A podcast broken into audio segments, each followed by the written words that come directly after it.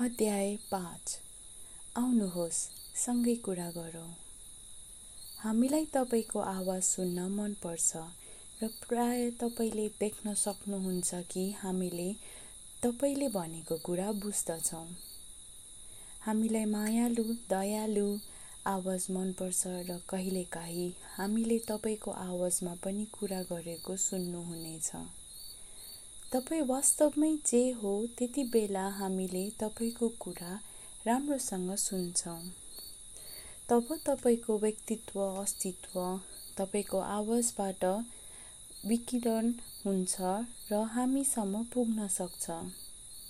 जब तपाईँको आवाज मार्फत हास्य दिनुहुन्छ हामीलाई सो हास्य मनपर्छ। जब दया र हेरचाह जस्ता ऊर्जाहरू तपाईँको आवाजमा सुन्न सकिन्छ हामी यसलाई समान रूपमा माया गर्छौँ। हामीलाई तपाईँको आवाज मार्फत तपाईँले हास्य चम्किन दिएको मनपर्छ। तपाईँ हामीसँग कुरा गर्न लाग्दा पहिला आफ्नो कल्पनामा के बोल्ने भनेर हेर्न प्रयास गर्नुहोस्। यदि तपाईँ जङ्गलको कुरा गर्न चाहनुहुन्छ भने तपाईँको दिमागको आँखामा जङ्गल हेर्न प्रयास गर्नुहोस्। यदि तपाईँ कारमा जाने बारे कुरा गर्दै हुनुहुन्छ भने तपाईँ हामीसँग कुरा गरिरहँदा आफ्नो कारको बाटो पनि कल्पना गर्न प्रयास गर्नुहोस्। जब तपाईँ एक व्यक्तिको बारेमा कुरा गर्दै हुनुहुन्छ आफ्नो कल्पनामा तिनीहरूलाई हेर्नुहोस् र हामीले थाहा पाउनेछौँ कि तपाईँले कसको कुरा गर्न खोजिरहनु भएको छ भनेर। कुरा गरिरहेको बेला तपाईँले हामीलाई चित्रहरू पठाउँदा हाम्रो सञ्चारमा सुधार हुन्छ र यसले सञ्चार अझ रमाइलो बनाउँछ। यो थप जीवन्त रङ्गीन र मनोरञ्जनात्मक हुन्छ।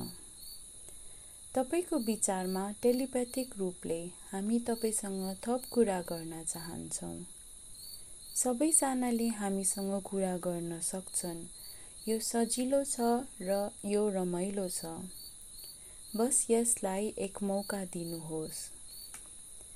यदि तपाईँ चाहनुहुन्छ भने आफ्नो आँखा बन्द गरेर नमस्कार भन्न सक्नुहुन्छ र हामीले तपाईँलाई के भन्छौँ हेर्न वा महसुस गर्न सक्नुहुन्छ। हामीसँग हुँदा कस्तो महसुस हुन्छ भनेर तपाईँ आफ्नो दिमागमा हामीलाई कल्पना गर्न सक्नुहुन्छ।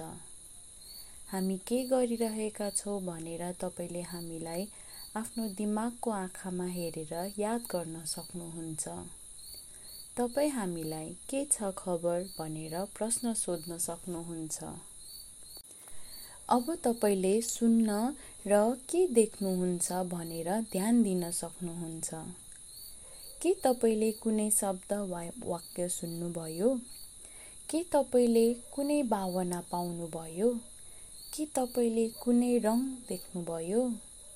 के तपाईँले कुनै आवाज वा गीत सुन्नुभयो? के तपाईँले कुनै तस्विर वा दृश्य देख्नुभयो? के तपाईँले कुनै संवेदना पाउनुभयो? हामी धेरै तरिकामा बोल्न सक्छौँ। सामान्यता हामी तपाईँको लागि उत्तम काम गर्ने तरिका छनौट गर्छौँ। आउनुहोस् केही खेल खेलौँ र रमाइलो गरौँ। तपाईँले हामीबाट सुन्नुभएको कुराहरूको नोट।